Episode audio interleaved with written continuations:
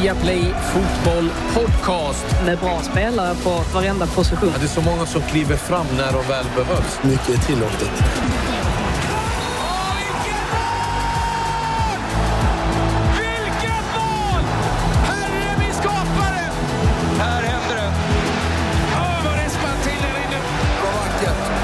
Det. Bästa dagen på året. Det största som har hänt fotbollen någonsin i princip. Det är dags för ett nytt avsnitt av Viaplay Fotboll Podcast. Vi är redan framme vid 20 avsnitt. Tiden går fort när man har kul och med mig här i studion idag i Stockholm har vi Jonas Olsson. Hur är läget? Det är bra tack. Det är vinterväder i Stockholm. Mm. Så att jag, Och då sticker du. Ja, det sticker jag. Jag, ska, jag har en nödvändig resa att göra. Jag ska träffa min dotter. Så att eh, jag, ja, nästa vecka är jag borta härifrån.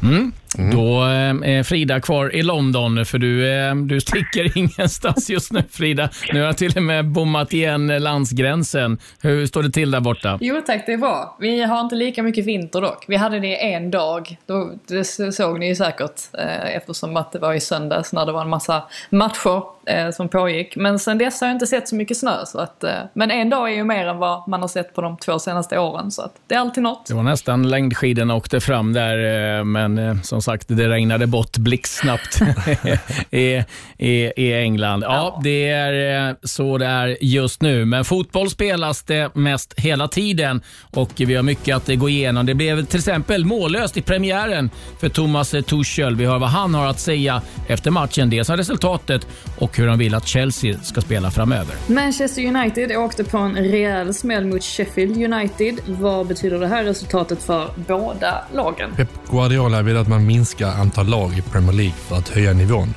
Är det rätt väg att gå? Mm, det är frågan. Eh, lite diskussioner kring det där i England. Sen har vi en intervju med Jack Grealish eh, som vi ska lyssna på också. Vi har mycket att eh, gå igenom i eh, den här, det här avsnittet, ska vi säga. Men vi börjar som vi alltid gör med senaste nytt. Ja, eh, precis. Det händer ju en hel del grejer.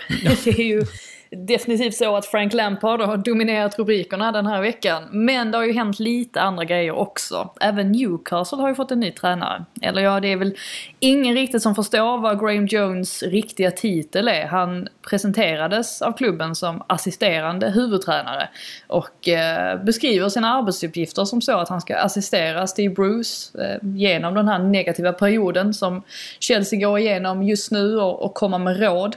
Och det intressanta är väl att skulle Steve Bruce få sparken, vilket många har tippat att han eh, kommer så småningom, då sitter Jones säkert. Så att vi får se hur det samarbetet kommer att fungera. Och eh, David Moyes är, det ju, eh, är ju en annan tränare som det går desto bättre för. Och nu kommer han eh, erbjudas en ny deal av West Ham, som uppenbarligen också är väldigt nöjda med hans arbete kring klubben och vill behålla honom. Hans nuvarande kontrakt löper ut efter säsongen med option på ett år. Och det sägs att den nya uppgörelsen kommer sträcka sig ytterligare ett år. Så att kul där för Moyes, som för övrigt vill plocka in Jesse Lingard på lån. Får se om han hinner göra det innan fönstret stänger här på måndag. Och ehm, ja, tänkte vi tryckte in lite Mourinho också för att han har ju varit i farten igen och eh, anser då att vissa tränare, som man säger, längs sidlinjen kommer undan med mer än han själv gjorde för några år sedan.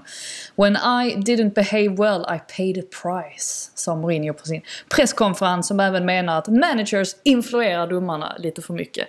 Det var, det var lite smått och gott från eh, veckan här. Mm, ett litet eh, knivhugg mot Jürgen Klopp inför matchen ikväll. Han, eh, han vet när han ska ta fram de verbala kängorna, den gode Mourinho. Jag ska väl säga det också att Ben Rama också signat permanent för West Ham, det kanske du nämnde, men eh, har ju varit på lån. Det öppnar ju upp då. Det hänger ihop. Precis. Och mm. eh, sen är det ju också så att eh, lite problem i, i England, eh, ja egentligen överallt, men eh, framförallt i England med eh, VM-kvalen som kommer i mars. För att eh, du var inne på det Frida, man har ju stängt gränserna nu i England, vilket innebär att eh, de eh, spelarna som eh, behöver åka över till Sydamerika, för det är ett otroligt viktigt VM-kvalperiod där. De kommer att vara tvungna att eh, bli, eh, sitta i karantän i tio dagar efteråt och det är klart att det här blir ju väldigt bekymmersamt. Jag tror det är 12 lag i Premier League som har sydamerikanska spelare i truppen. Så vi får se hur de löser det där. Det kan givetvis ändra sig under resans gång, men eh, nog är det lite oroväckande för flertal klubbar. Andrea Agnelli, eh, som eh, basar över Juventus, har eh, gått ut och sagt att var sig väldigt positiv till nya upplägget av Champions League som man tittar på. Det innebär då att det blir eh, kanske lite nådastöten för de här förhoppningarna som många har haft om en Super League bland eh, toppklubbarna. Där är det ju Real Madrid, Manchester United och Milan som har varit drivande. Men eh, om då Juventus och Agnelli går in och är positiv till det nya formatet som diskuteras i Champions League, det schweiziska formatet där det kommer att bli mer gruppspelsmatcher, så kan det ju vara lite dörren eh, som stängs igen för den här Super League. Gündogan, som är i superform för Manchester City, gör också stora insatser utanför och har startat insamling för restauranger och kaféer i Manchesterområdet där eh, man kan eh, ja, buda på att få träffa honom eh, antingen via ett Zoom-möte eller personligt. Han kommer att eh, signa matchkläder och eh, sälja dem och sen skänka pengarna då till olika restauranger och kaféer som har det tufft just nu då i Manchester. En annan lite intressant detalj eh, som man får hålla ögonen på framöver, det är oppositionsledaren i, i Ryssland, Alexej Navalny, som har fängslats av eh, Putin, har ju gått ut och sagt att han gärna vill se sanktioner mot till exempel Roman Abramovic och ehm, eh, Usmanov som eh, då har intressen i, i Everton och det har satt lite press på regeringen i, i, eh, i England om hur de ska förhålla sig till då Abramovic och eh, Usmanov. Så vi får hålla lite koll på vad det där kan innebära framöver. Det var vad jag hade. Men eh, nu börjar vi väl någonstans med vad du var inne på Frida, att eh, alla Eh, artiklar, alla rapporter har ju dominerats av att eh, Frank Lampard fick sparken. In kom istället Thomas Tuchel. Det blev 0-0 eh, i matchen igår och det var väl en match som varken sa bu eller bä, men så här sa Thomas Tuchel om insatsen och framtiden. First taste of a Premier League tonight must be frustrating for you not to get the the win, especially with a dominant performance against Wolves tonight. Yeah, I saw uh, Very happy with the performance. We played um, with an excellent energy, high up the pitch, and um, good, good, good intensity. Many, many ball recoveries in the last third. A lot of ball possession, but a lot of intensity. Many, many. Uh, many half chances created a lot of good uh, opportunities in the second half and were simply unlucky. So I will not allow to be anybody anybody frustrated because it was uh, a, a, good performance. Uh, we did not allow counterattacks. We closed the space. Uh, we did. Um, I'm, I'm very very happy with with the energy and the attitude, and we will continue from now on. Of course, it's, it's an early stage. You had only one session with the, with the players yesterday, but what was your key message for the players tonight? We did tactical stuff. We we, we, we showed them where to attack, where where we want to accelerate the game uh, where we want to close the spaces for counter-attack. So it was very, a very detailed session and was a tactical session and also against the ball. What I saw today in terms of attacking and defending was um, very, very high level. I'm very happy and uh, this league demands the full intensity and we gave everything out there on the pitch with a lot of quality. It's very hard to be the dominant team. The, the pitch is in not the best condition, it's slippery, it's hard. So with a little bit of luck, we win. We, had, we, we deserve to win, but we will work for it to, to deserve it more. We've seen that Chelsea players managed to recover the ball more yeah. quickly. Is that one of the key things you want to counter press more against yeah. teams like this? Yeah, we had an amazing number. I have 16, I think 16 recoveries in the last third, which gave us the opportunity to, to, to, to, to increase the pressure. It gave us the opportunity to have second attacks, second balls and I'm, I'm very, very happy with that. Of course, it's always difficult for the manager when he comes middle of the season. Yeah. But as we speak now, what is your target? Is Chelsea capable of finishing in top four, or are they capable to, to, to fight for the title? Well, at the same time, of course, when you sign for Chelsea, you sign for, for, for the expectation of titles. This is clear. Right now is not the moment because I just stepped in and we have to be realistic uh, at the same time. We have a lot of teams in between us. We have a lot of points in between us and the place where we want to end up minimum is, is four. And um, I would say is the best moment to not lose the focus by thinking about the goals who are too far away. We go step by step. We do another 18 cup matches, and uh, and we work on our performance and, and grab points by points by points. And let's see where we finish. I have. We have uh, still three competitions to play: Premier League, FA Cup, and Champions League. If uh, this was uh, the first step in our development, I'm, I'm happy to see where, we're, where we will end up. Jonas, hur nyfiken är du på Thomas Tuchel och vad han kan göra med Chelsea? Väldigt nyfiken. Tycker han eh, pratar väldigt bra också. Eh, lite undvikande såklart när han sätter en tydlig målsättning. Men eh, jag har länge velat se honom i Premier League. Bra läge tror jag. Eh, som sagt, det, liksom, det, det, är en trupp han får som är en present som Jörgen Klopp sa. Det är en fantastisk trupp ju. Eh, och en manager som har visat tidigare att han är väldigt eh, bekväm och duktig och jobbar med de här stora stjärnorna som jag gjort till exempel i, i PSG. Eh, också såklart en, en, en koppling då med nationalitet då, såklart med, med Timo Werner och Kai Havertz som är höga eh, profilerna de varvar in i, i sommar som inte, som inte funkar alls bra under Lampard. Så, att, eh, eh, så det blir spännande att se hur han hanterar det. Frida, man såg eh, ganska omgående att han eh, valde att eh, mönstra eller starta med liksom lite gamla beprövade kort. Tror att det var liksom en, säkert spel från hans sida eh, eller är det någonting vi kan se framöver tror du? Nej men det tror jag verkligen. Eh, han är ju väldigt känd för att mixtra med formationer och startelvor och sådär. Så att jag, jag tror inte att man ska läsa in för mycket i vilka som startade under gårdagen. Eh, exempelvis så fanns ju inte Mason Mount med då som alltid fanns med i Frank Lampards startelva och det var ju många som ty tyckte att det, ja, blev kanske lite, lite rädda och, och tänkte att nu kommer Mount eh, knuffas undan men sen fick ju Mount komma in och jag tror att hans insats eh, fick Tuchel att tänka att man nog ska kunna få in honom i det här, alltså i startelvan så småningom också. Ehm, det var väl så att han kände att de här spelarna, Aspilicueta, Thiago Silva, Rydiger, Jorginho, Giroud, att de behövdes just på grund av sin rutin. Och det är ju också spelare som han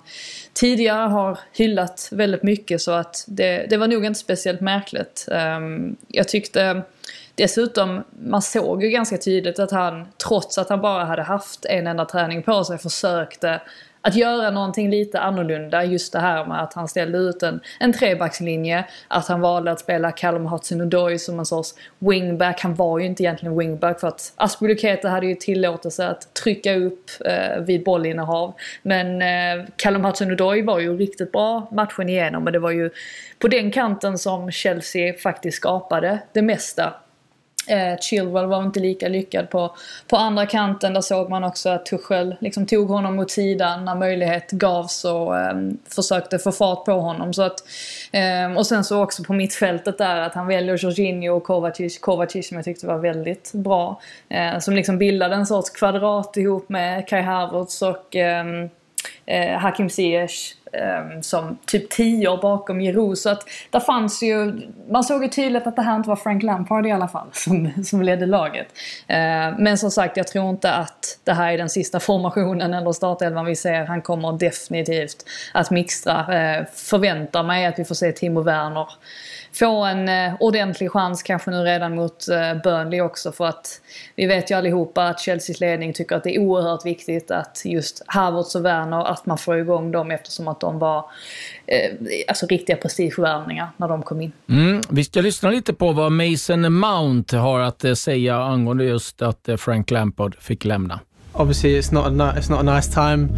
It's a tough time. Um, I mean I've been at the club for a very long time and I've seen many managers um, depart the club um, from afar. I've been in the academy and it's happened quite a lot. Um, but when you're in the building, um, in the first team, and, and, it happens, it's a different feeling. Um, but yeah, we have to be together. We have to be strong um, as there's a massive games coming up and we need to attack them. Yeah, he's been very important. as you said, brought me to Derby, gave me the playing time. I learnt so much under him there, and obviously then coming back to Chelsea and, and continuing my my learning, um, my ability to get better and better. Um, and yeah, obviously he's helped me so much. So I have nothing but praise and, and um, gratitude for him for everything he's given me and, and what he's done for me uh, as a player on and off the pitch. Um, I've definitely grown um, as a person as well. So yeah, it's um, obviously means a lot. Mm, Mason Mount som eh, till och med var lagkapten i eh, Frank Lampards sista match mot eh, Luton som de vann, men det hjälpte inte. Han fick eh, gå ändå, Frank Lampard. Jonas, du har varit i den här situationen ett par gånger där tränaren får lämna mitt under säsong. Hur, hur, hur är stämningen i omklädningsrummet? Hur förhåller man sig? För det är ju liksom, ska man skriva någonting på sociala medier? Liksom, eh, är man rädd att det ska då slå över mot den nya tränaren? Att man liksom, åh, jag älskar honom och är sur för att du kommer. Hur, hur hanterar man allt det där? Ja, först och främst så har du oftast ganska tydliga riktlinjer från klubben hur du, får, hur du själv får kommunicera i antingen sociala medier eller med, med media. Då. Um, känslan är ganska enkel tycker jag. Uh, de som inte har spelat så mycket, de är ganska nöjda över att ett byte har skett. De som har spelat eh, är inte nöjda. Det är, det är oftast inte svårare än så, om man ska vara riktigt ärlig. Um, sen är det klart att du har vissa tränare som då, med som man pratar här om Lampard, det är klart att du har vissa tränare som betyder mer för dig på grund av att han har haft honom i Derby och personlig utvecklingen och du kanske känner mer för managern som, som, som människa eller som person. Um, men min erfarenhet är att det är en, eh, det är en känsla bland spelarna också, att du, du är mitt uppe i det och liksom, någonstans så du vet att de situationerna kan uppstå. Du är ganska förberedd på det när det väl sker. För det är inte så att det är som en blixt från klar himmel. Liksom Lampard har varit ifrågasatt nu i tre, fyra veckor. Så att du har ju ställt in dig på det också på något sätt mentalt. Uh, rätt eller fel, men, men, men så är det. Uh, och um, han pratar såklart att han har sett det på, på avstånd. Uh, jag tror också det är lite därför ni pratar, eller du Frida pratade om just laguppställning igår med Tuchel. Jag tror att det är framförallt där, han, därför han väljer lite äldre spelare nu, för att de, har, de är, har varit med om den här situationen innan. De vet bättre än de yngre spelarna hur, hur de ska hantera det. Så att, um, um, ja, det är väl känslan och erfarenheterna kring det som spelare. Är det svårt jag menar, du har haft en tränare, ni har liksom haft kanske liksom ett år på er, eller ett och ett halvt, det är försäsonger, man har pratat om taktik och hur man ska förhålla sig. Så kommer någon in och river upp allting. Är det svårt att ställa om på det sättet? Det, det svåra är väl hur pass taktfull den tränaren som kommer in är. Liksom, man, inser, man borde inse att man inte kan ändra för mycket under säsongen. Och Min känsla av de som har kommit in under säsongen och gjort det bra, eh, som jag alltid återknyter till Roy Hodgson, då är det liksom han har sett små grejer som, som han vill justera och så lagt all fokus på att göra det. Eh, annars är det för mycket att ta i tror jag. Och Sen är det också en skillnad, eh, och, och, liksom ofta är det så i England att när du byter en huvudtränare, då byter du rubbet. Liksom. Du byter assisterande, målvaktstränare, fysteam, allt. allt. Ja. Och gör du det under säsong, ja men då är det klart också att det, det, det är svårare. Ibland kanske det behövs för att du måste ha en så stor ändring trots allt för, för, att få något nytt. Men, men återigen erfarenheterna när du inte, eh, när du inte gör ett för som säga, clean break, då är det lättare såklart att förhålla dig till det som, som, som spelare, för annars är det så mycket info. Ja, men nu ska vi träna så här fysiskt, nu ska vi träna så här taktiskt, nu, nu är det så vi jobbar. Så du är redan liksom eh, du är redan i en situation för att det går dåligt, där, där du liksom måste lyfta på stenar. Då tycker jag det viktigaste för en ny tränare som kommer in, att inte få dig att lyfta på lika många stenar till. Mm, det gäller att packa lätt om man är tränare i ehm, Chelsea. Man kan inte eh, flytta in för mycket grejer på kontoret, för det är ganska snabba ryck. Ehm, Frida, det har varit mycket snack om att det finns eh, de eh, spelarna som ligger bakom att Frank Lampard fick sparken. Rydiger är väl en av dem som har pekats ut. Vad, vad har hänt på den fronten? Ja, nej, men så var det ju. Ehm, det var väl egentligen Rydiger främst som fick bära hundhuvudet. Det ryktades väl även att det var Kepa som hade varit en av dem som hade klagat. Eh, Kovacic har också nämnts. Marcus Alonso är väl föga förvånande att han nämns eftersom att han har varit i, i frysboxen ganska länge nu. Ehm, men Rydiger var ju definitivt den som fick ta emot mest, ehm, ja alltså skit om man säger så på sociala medier. Det startades konton och sådär eh, som ville ha bort honom från klubben. Eh, jag tror att det var behjälpligt att både Tammy Abraham och Aspilicueta gick ut och försvarade honom på, eh, på sociala medier. Det, eh, det, är ju inte riktigt läge. Jag, jag förstår absolut att Chelsea-supportrarna är upprörda över att Frank Lampard inte fick någon riktig chans. Ehm, ärligt talat så har man hela kontexten så förstår man varför han är borta nu. Med tanke på att stora delar av ledningen inte ens ville ge honom jobbet från början. Och det är ju där i så fall man kan rikta kritiken mot. Varför anställa honom då om ni, om ni egentligen inte trodde på honom? Det, det fanns ju ingen mening egentligen. Ehm, sen ehm, samtidigt så måste man ju gå vidare nu och det tror jag väl att hela spelargruppen känner också. Eh, Tuchel på, efter första träningen så tog han ett litet kort snack individuellt med samtliga spelare. Vilket ska uppskattas väldigt mycket eh, från laget. Så att, eh, och han pratade ju mycket om det här att nu gäller det att vi drar åt, drar åt samma håll för att få med oss resultaten. Så att eh, jag tror nog att det kan bli bra så småningom. Men jag förstår ju att det är en situation och en härva som har upprört eh, väldigt många. Modellen Tuchel har du grävt fram här Frida. ja, nej, men om man googlar Tuchel modell också, eh, eller model, så, så dyker det upp lite fina bilder. Modell då, utan, utan fotomodell. Ja, det är han och Big Sam.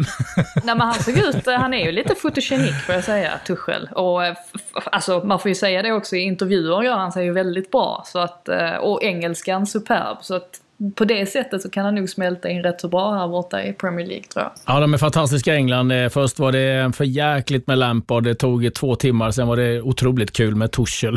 Det svänger något oerhört. Man måste ju gå vidare. ja, det, det sörjs inte särskilt länge. Det är bara Rednap som är, är, är bitter. Eh, vi får se. Ja, han var inte så Nej, det kan jag säga också att det Nepotism lite där va? Ja, lite. Eh, Lampard har kopplat samman eh, med Celtic nu, så att eh, det kan gå snabbt åt mm. det hållet också. Han lär nog få jobb när, eh, inom en ganska snar framtid. Vi blickar nu tillbaka till eh, ännu en match som spelades igår. Manchester United mot Sheffield United. Ställer upp sig som att det ska bli en hård inåtskruv i alla fall. Kommer bollen in? Ja, det, det är trångt och det är mål! Det är Sheffield United som tar ledningen. Inne så är det Burke som har skottläge och det är mål! Det är Sheffield United som gör mål. Det tar Toan Sebe, ställer de Gea. Och där blåser han av. Sheffield United vinner den här matchen. Ja, vilken skrällseger av Sheffield United. Chris, that's not just another three points, is it? That's a tremendous performance and a tremendous moment in your season. Yeah, um, there's not been many days. Uh, so I've just said to the players, they're jumping about in there, which I think they have, have every right to because it's been a tough old season so far. Um, but they're enjoying the win, and obviously to bring everybody back down to earth tomorrow, um, we go again over the other side of town. so. Uh, yeah, it's, it's, it's, it's, obviously a great result, and I'm just delighted for the players because obviously they've had to go through a, a hell of a lot this season. When you look at the season's results and you see those lines of red L's, and you, you just kept the spirit, you kept going, and you've got the reward tonight. Yeah, I mean, we talked about big moments which we took today, uh, tonight. Um, a touch of luck, obviously, with a, I think, be really, um, really uh, unfair on possibly Ollie Burke uh, to say it was a, a, a, not his goal, but uh, thought it was a good, good bit of play. Um, great reaction, obviously, to uh, to an equaliser to come back and stick his noses in front again. And um, uh, now we've got a few supporters that uh, that that, uh, that work for you, so. Rio, um, I hope he's got a big smile on his face as well because uh, he's, a, he's a massive supporter of me, me and the team, and uh, yeah, it's a, it's, a, it's a great moment for us. Ollie, you knew it was going to be a difficult game. We said so before the match, but that yeah. must be a real blow. What was missing tonight? Well, we uh, we had all the possession.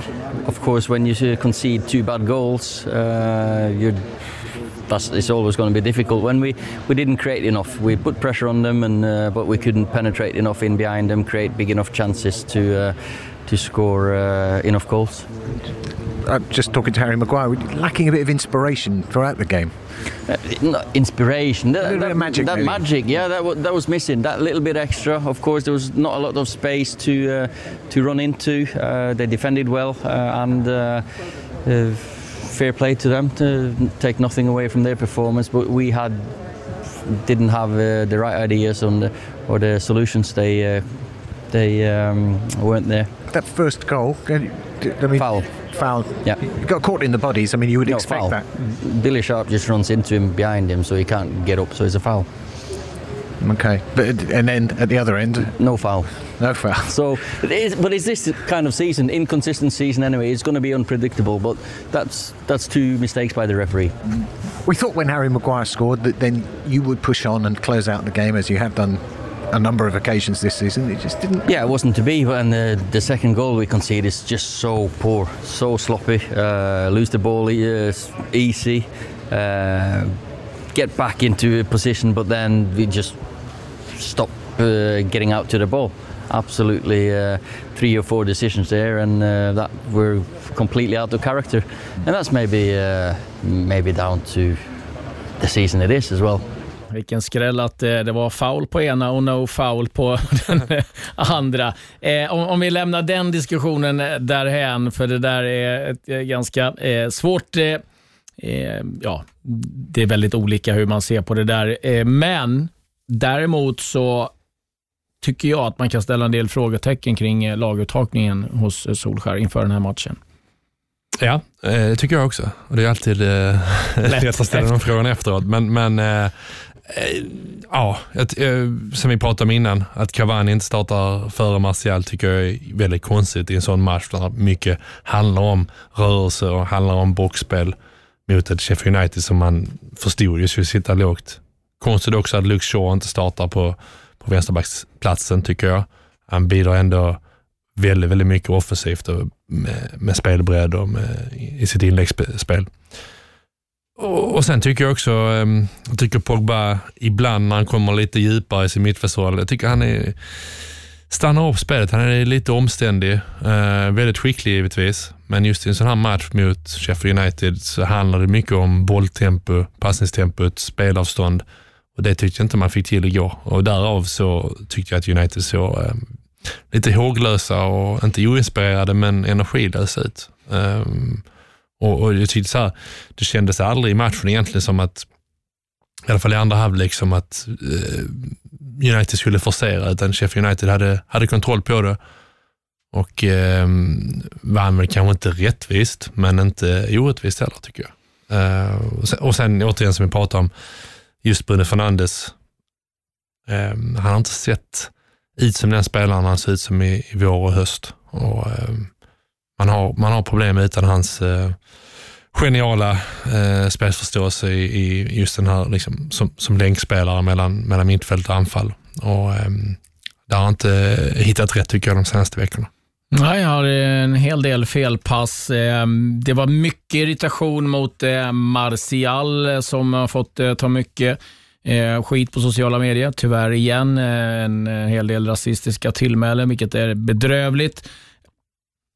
Hur mycket skit får Solskär i, i engelsk eh, media och eh, under sändningarna igår, Frida? Ja, nej, men inte så mycket ändå utan det har mer, mest fokuserats på just spelarnas inställning. Framförallt då Martial som redan har pekat ut. Eh, men andra också, särskilt då vid, det, eh, vid Sheffield Uniteds 2-1 mål. Eh, dels det här med att Martial, ja först så tappar han bollen och det är kanske inte så illa i sig utan det är mer att han, han halvjoggar hemåt och just att hela försvaret agerar så otroligt passivt. Eh, Alltså både Telles och Matic, alltså ingen går ut och, och, och stöter på någon bollhållare. Pogba står också och tittar på. Eh, Man är väl mest eh, chockad, eller kanske inte chockad, man är inte överraskad att det här sker i United. För att vi har ju sett detta tidigare under säsongen att de lätt tappar fokus vid ehm, ja, men defensiva omställningar framförallt. Ehm, men samtidigt så är det ju det här någonting som man inte kan se hos ett lag som ska försöka ta en ligatitel. Um, alltså var, hur kan man agera på det viset då? Det är det man inte riktigt begriper och det är väl många som då framförallt pekar ut Martial och tycker att nu är, nu är måttet rågat i princip. Alltså han har visat nu att han inte kommer eh, kunna kliva upp på eh, ytterligare en nivå, att han ser ut att inte riktigt bry sig om att spela i Manchester United. Så att jag tror nog att de flesta föredrar eh, Cavani framför Martial i, i nuläget. Ja, han är otroligt frustrerande att se på när han ser så här otroligt eh, ointresserad, nonchalant, eh, har jätteläge egentligen att också spela in sig i ett franskt landslag där Giroud får ganska sparsamt med speltid, men eh, inte ens det verkar hjälpa för den gode eh, Martial. Om vi lämnar Manchester Jag United. säga- Ja. Jag, jag, bara säga, jag, jag tyckte, om man, eh, om man kollar på matchen igår, det kändes som faktiskt lite så här klassisk underskattning. Mm. Och framförallt det som Frida är inne på, på, på 2-1 målet. Man är ju på plats eh, och, och, man får chansen två, tre gånger att sätta press. Men man gör det liksom inte för man, man litar lite på att det här kommer ordna sig. Det är Burke. Ja, lite så. Eh, och, och, och, och, där kommer man tillbaka till det här om man pratar med, om, om United som har gjort det otroligt bra såklart de senaste månaderna. Men man tycker ändå det saknas lite ledarskap på planen. Jag tyckte det var ganska tydligt igår. Att, eh, det är klart att Maguire är ledaren eh, i, i backlinjen, men, men det är väldigt sällan man ser honom eh, verkligen ge ut direktiv, prata med spelarna under, under halvleken och försöka få fram budskap och så vidare. Och jag tycker inte det är heller någon, någon på mittfältet som, som, som har den rollen. Eh, det tycker jag däremot när Cavani spelar, att för in det sen så kanske det är att man luras av att han är, han är väldigt, eh, med mycket kroppsspråk och, och, och så här när han spelar. Men det kände jag i alla fall som spelare, att det spelar inte så det spelar inte alltid så stor roll vad spelarna säger och vilket budskap de, är, med, som de vill förmedla, utan mer att du behöver energi i vissa, eh, vissa skeden av, av matchen och av halvlekarna. Och det kändes som att det var ingen som kunde, som kunde bidra med den igår. Nej, lite konstigt tycker jag just med den laguttagningen. Men det är ju en, en lurig match mot Sheffield United efter man mött Liverpool två gånger. Man är glad efter FA-cupen, man toppar ligan. Det är Arsenal som väntar nästa. Och det, är liksom, det var många klockor som ringde där att eh, det är ett skadeskjutet Sheffield United som kommer. Att men, ut och kör som Cavani som alltid ger energi. Danny van de Beek som vill gärna visa att han ska spela. Men som sagt, det är lätt att vara, eh, vara efterklok. Eh, däremot så måste man ju berömma Sheffield United. Första gången den här säsongen. Han gör faktiskt två mål i en match. Han gör det på Old Trafford. Eh, tror du att de kan lyckas med det omöjliga här, Jonas?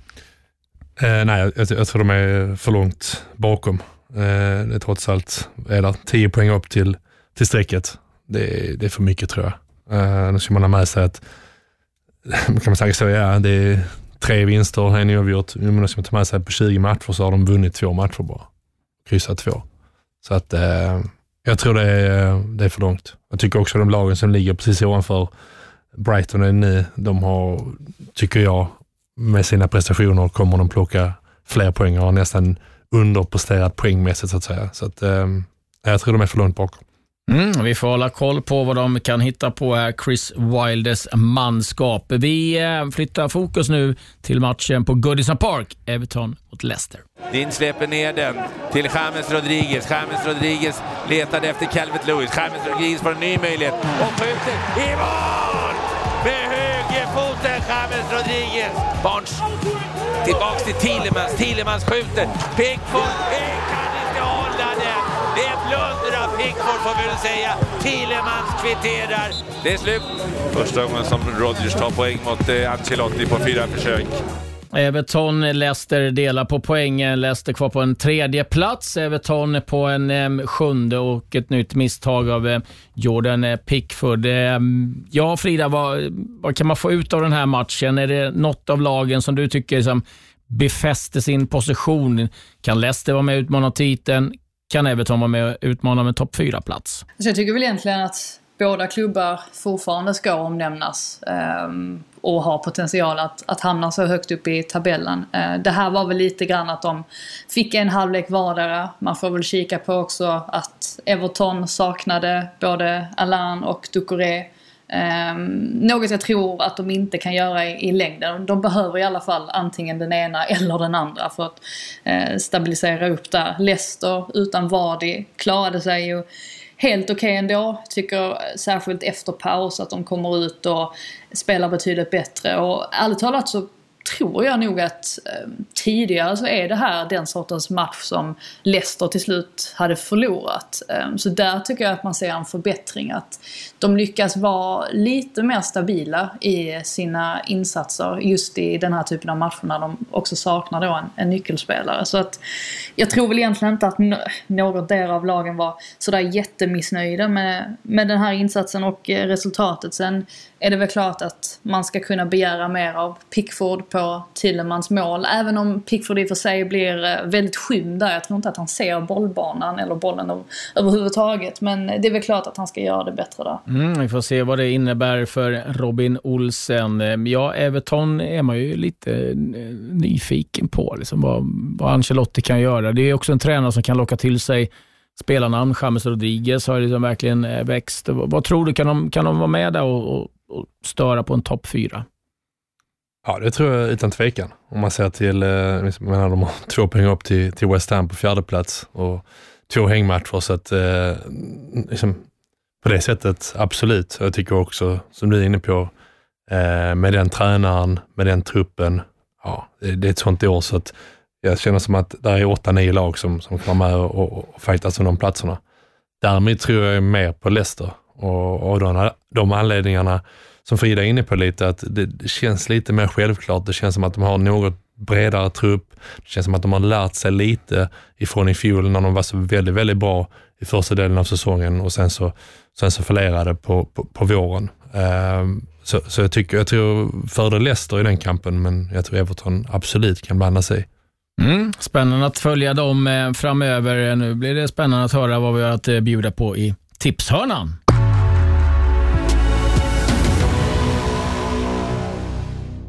Pep Guardiola hade ett par uttalanden. Först gick han ut att Big Sam är genius och sen så körde han över West Bromwich med 5-0. Jag vet inte hur Big Sam var nöjd efter det där. Men vi ska höra en annan sak som eh, Guardiola talar om som eh, kan vara intressant att snacka lite mer om. What we should do, my point of view, uh, is to make every single league in Europe stronger than now it is. That means less teams better championship, better League One, better League Two, better Premier League with less teams in every competition, uh, and go to the quality of the quantity.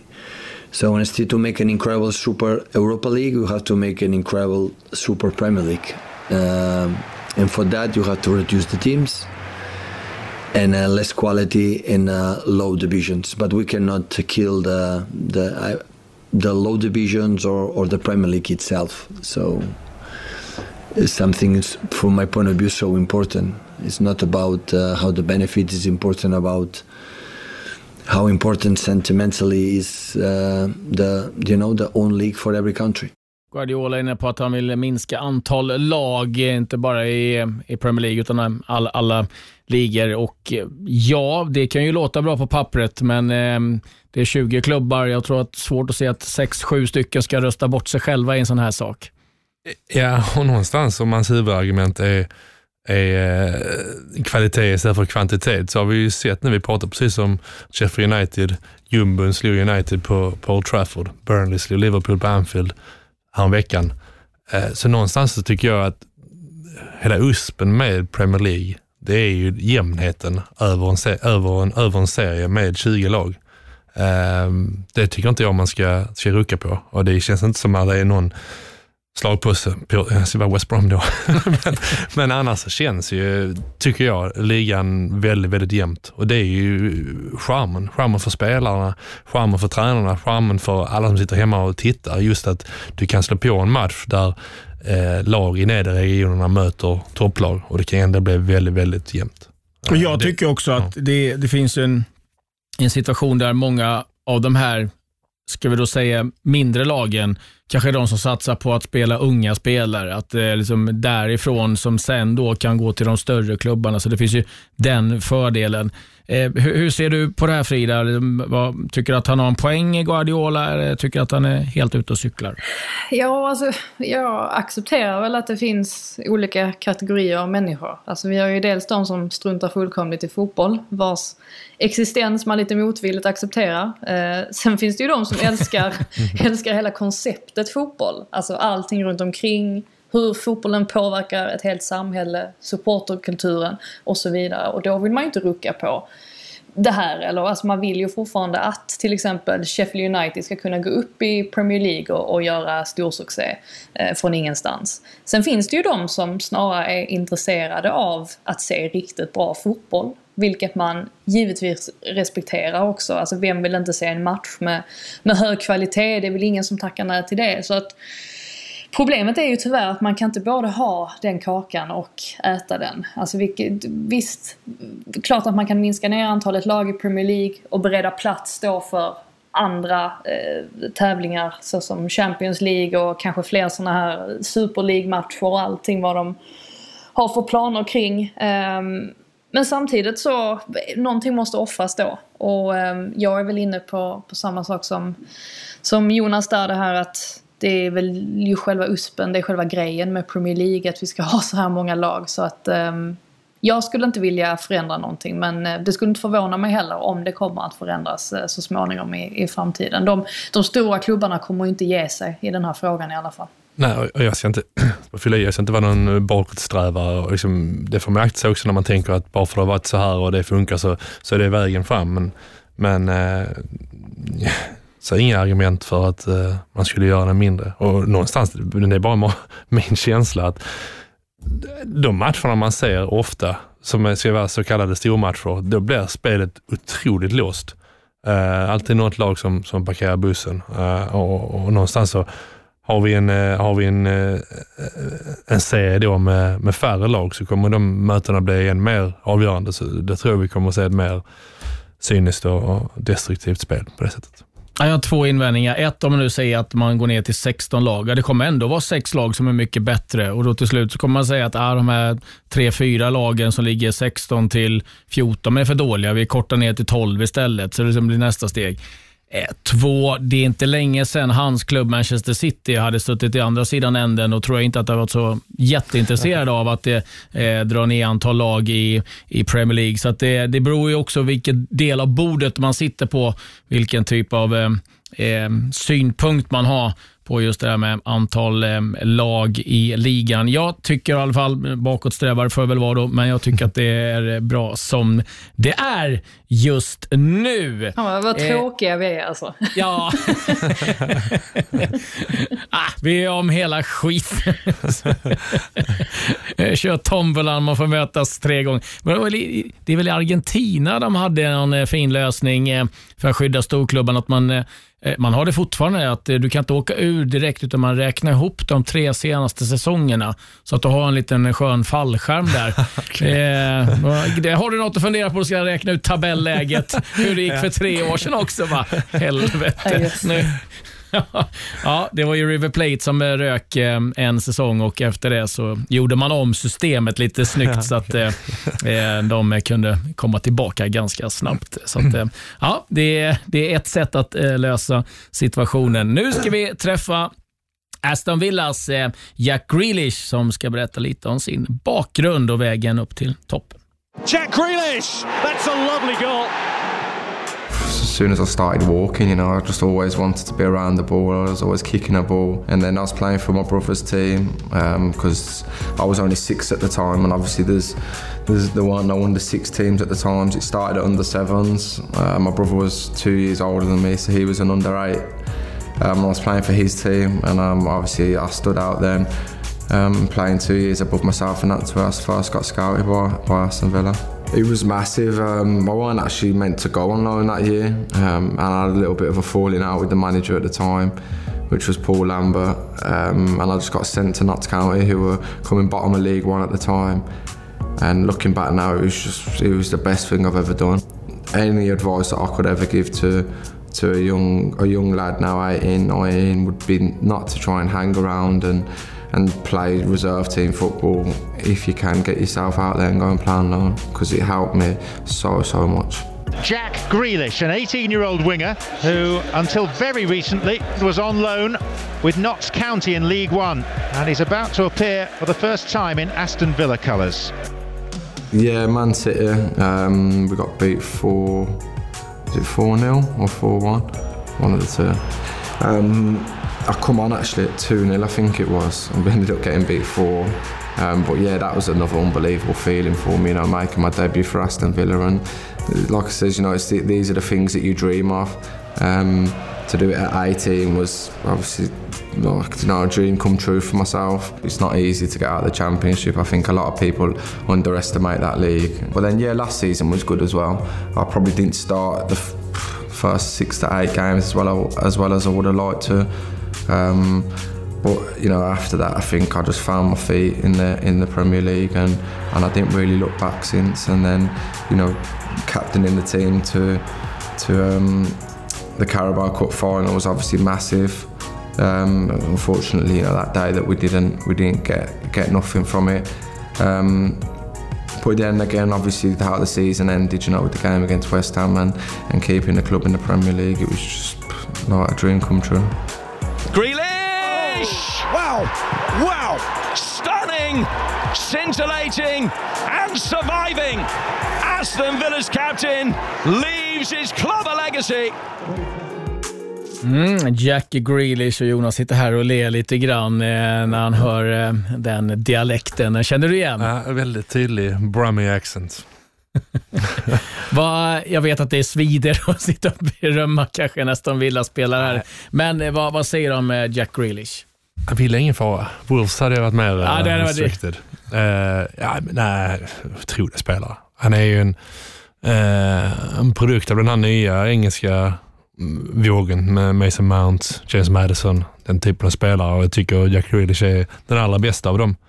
Ehm, jag tycker han har en förmåga att inte bli omständlig som man ofta blir eh, med den typen av kvaliteter. Han omsätter allting i någonting konstruktivt eh, och, och hans beslutsfattning för den åldern han är i tycker jag är fantastisk. Eh, och, eh, ja, ja, jag är full av beundran för vad han har gjort, framförallt denna säsongen då när han kanske har fått sitt tydliga internationella genombrott. Hans- och, ja, förlåt. Ja, jag säger beslutsfattning på plan. Den utanför kanske nej, inte har varit klockren. Nej, det är lite mer att önska kanske. I alla, Men det är inte unik som, Nej. som ung engelsk spelare. Nej. Eller gammal för den delen.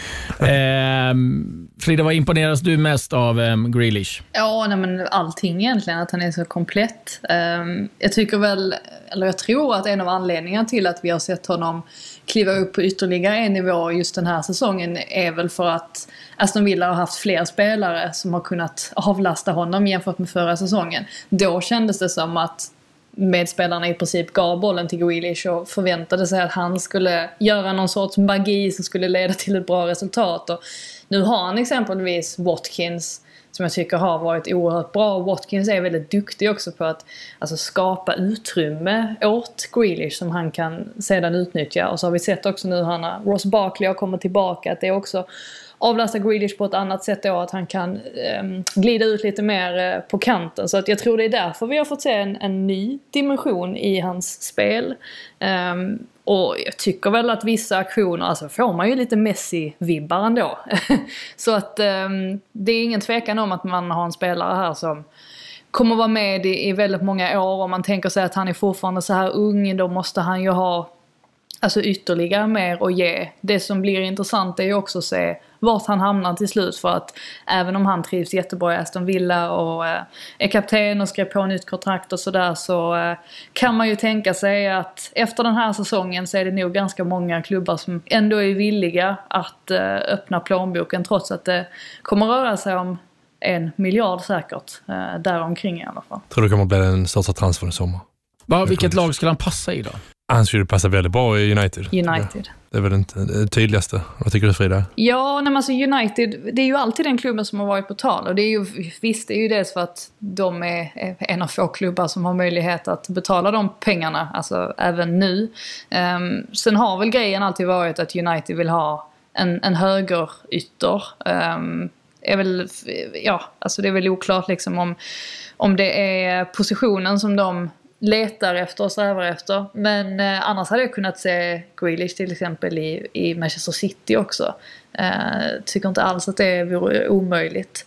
Så att även om hans summa är så pass hög att det inte kan vara så många klubbar som, som blandar sig i så eh, kan man väl ändå eh, tänka sig att han själv kommer vilja få till en sån flytt. Alltså någon gång i, i framtiden. Hur bra han än har det i, i Aston Villa för tillfället. Och även Spurs hade varit eh, otroligt kul att sätta honom med det, men det känns som att det, det steget är lite för litet kanske från Aston Villa. Det är liksom, med all respekt för Spurs, de klubbarna som kommer ha en realistisk chans att varva honom, men det är ju United, City, Liverpool, de tre klubbarna. Men alltså, om vi säger så här, han är ju en Aston Villa-produkt. Aston Villa är ju inte, har ju inte några fattiga ägare. Det finns ju pengar där. Finns det någonstans att han känner att ah, men jag ger det något år till, alltså, jag får utvecklas eh, här för att den rollen har i Aston Villa, den får han ju inte på samma sätt i någon av de här storklubbarna där liksom nästan allt ska gå igenom honom. För då har du i United en, en Fernandes, City en Kevin De Bruyne som givetvis kommer, eh, hallå, nu vill jag ha bollen här. Tror ni någonstans att han kan känna att ah, men jag ger det något år till i Aston Villa och se vad de kan välja att köpa in? Eller är det så här att i sommars försvinna? Nej, alltså jag tror att han mycket väl kan tänka sig att, att stanna för att han verkar ju alltså, trivas väldigt bra i klubben. Sånt är ju viktigt. Jag tror inte alls att han har någon att det finns någon hets. Hade det funnits hets så hade han ju inte skrivit på ett nytt kontrakt. Eh, tror jag inte i alla fall. Även om det verkade som att Uniteds eh, intresse för dem svalnade av lite grann.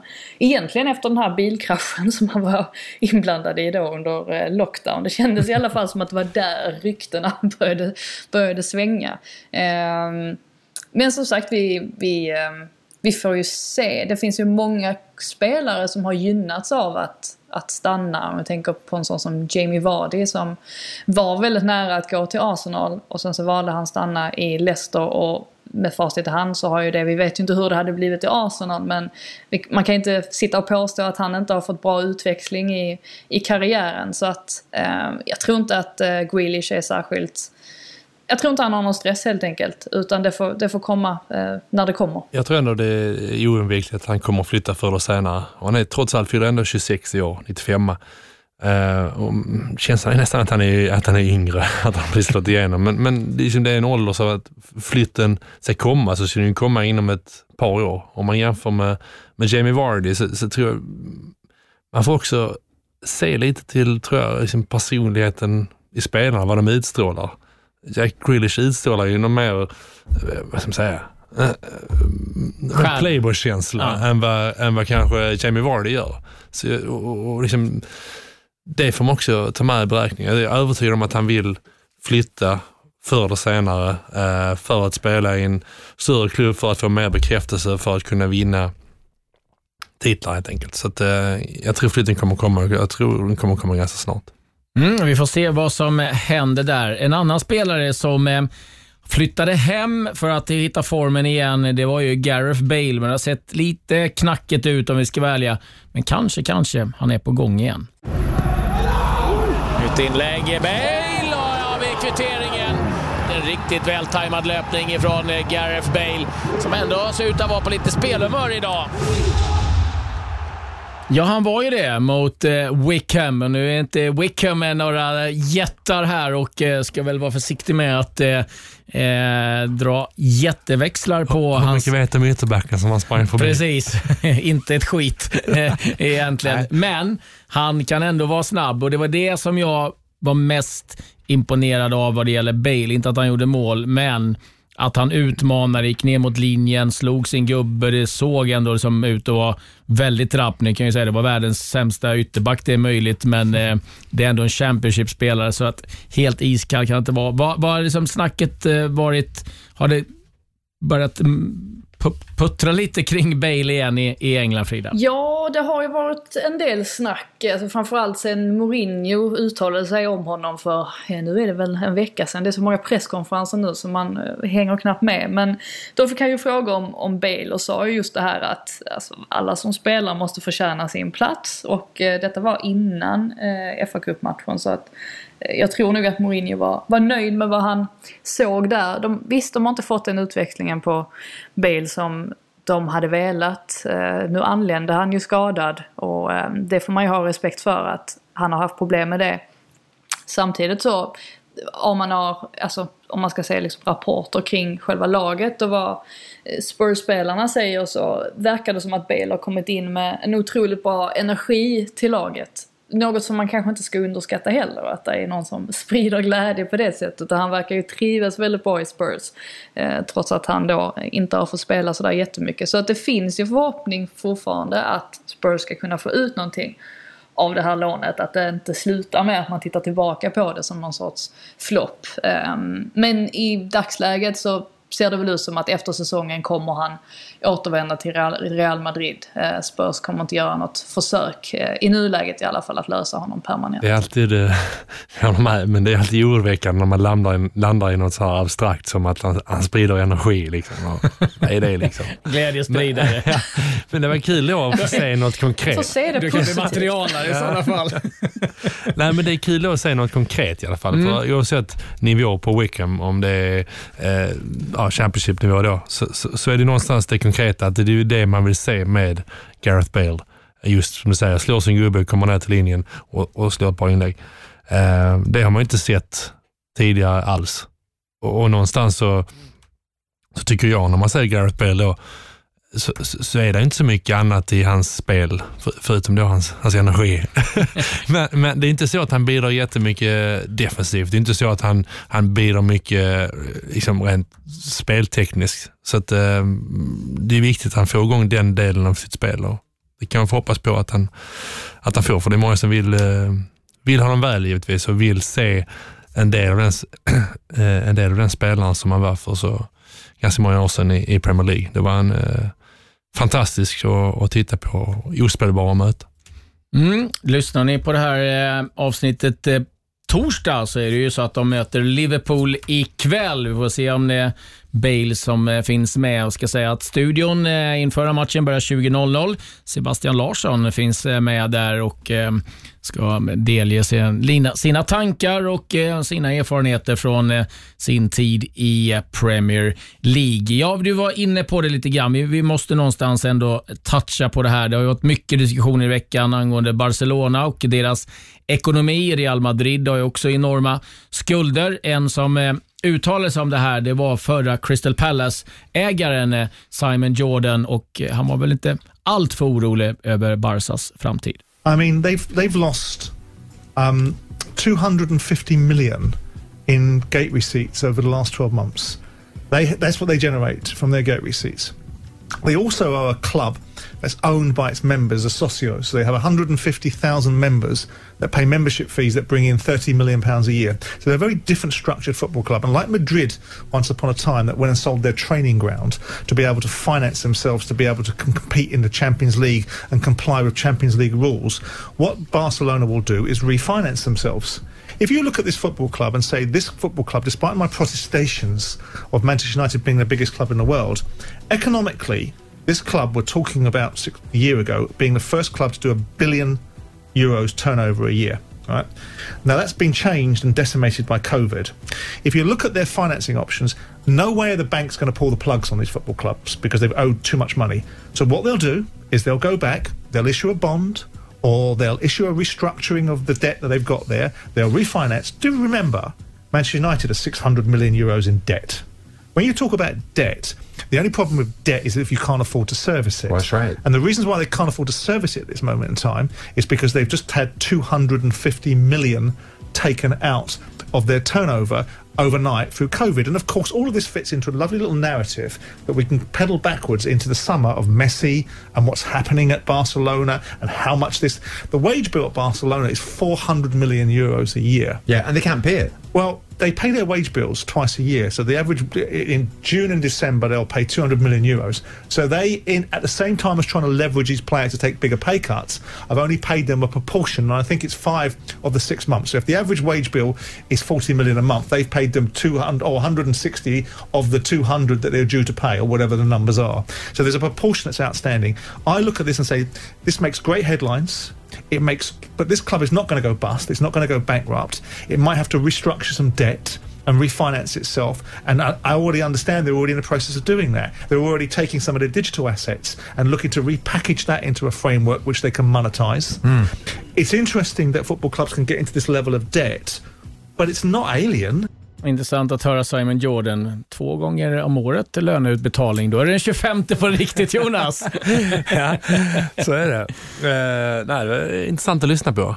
Jag, uh, det är inte så mycket sånt där. Det är bättre att jag hade haft Martin Åslund som sitter här. men, men, det är ju, nej, men det är ju logiskt som man säger att klubb, klubbar har skulder, så är det. liksom. Och, och, och någonstans så är skuld, Barcelonas skuld så pass hög nu att bankerna har inte råd att uh, att, att de går omkull. Uh, och, och som de också är inne på, när väl kommer igång så har de ju en, en, en revenue som är, som är, som är där. Liksom. Folk kommer gå och titta på Barcelona, folk kommer köpa merchandise och så vidare.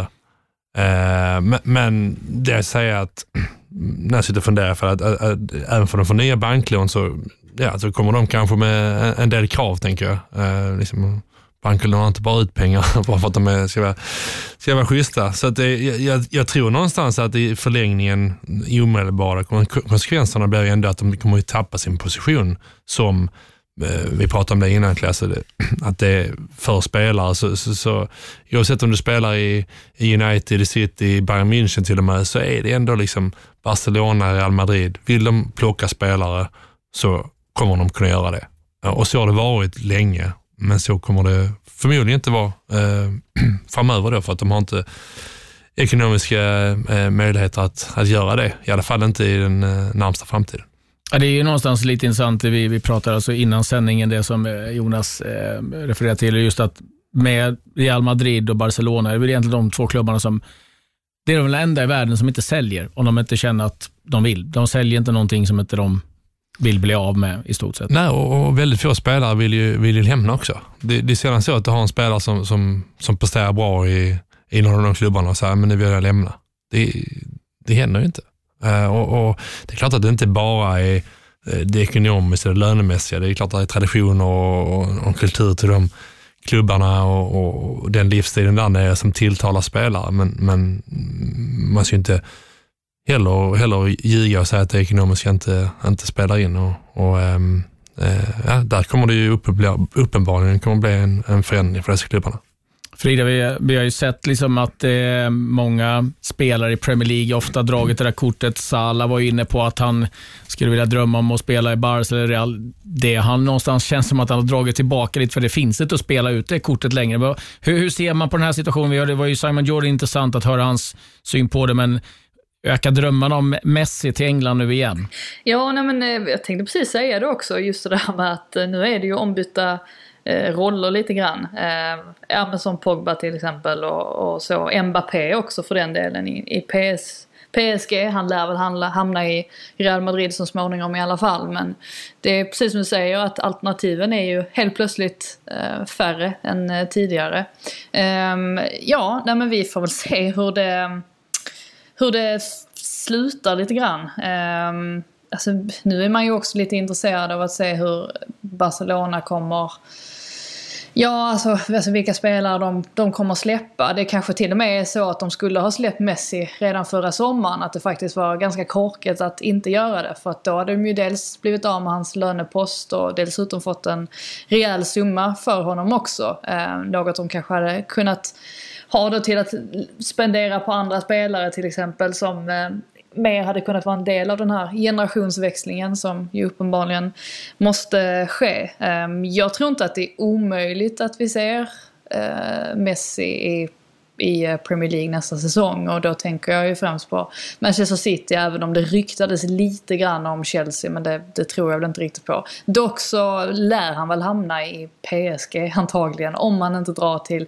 USA eller vad han känner för, för att göra. Men eh, man har ju svårt, honom, svårt att se honom bli kvar i Barcelona i alla fall, det, det kan vi ju konstatera. Ja, det var ju en klassiker. Real Madrid eh, sålde sin träningsanläggning till staden, köpte tillbaka den för en euro. Sen så var de skulderna lite, lite fuffens där va? Nej, alltså, jag vet inte, jag kommer ihåg filmen Dum dummare. De hade så här I owe you en eh, Ferrari. Att man satt och garvade att så är hela fotbollsvärlden uppbyggd nu. på att Jag är skyldig dig lite pengar. Ja, det blir intressant att se vad Barcelona, Real Madrid kan eh, hitta på framöver. Vi är därmed klara för dagen. Eh, Missa nu inte matchen som går ikväll och eh, studion där Sebastian Larsson eh, då gästar öppnar 20.00. Sen är det tillbaka med mer matcher i helgen och vi är tillbaka nästa vecka. Med det så säger vi tack och adjö.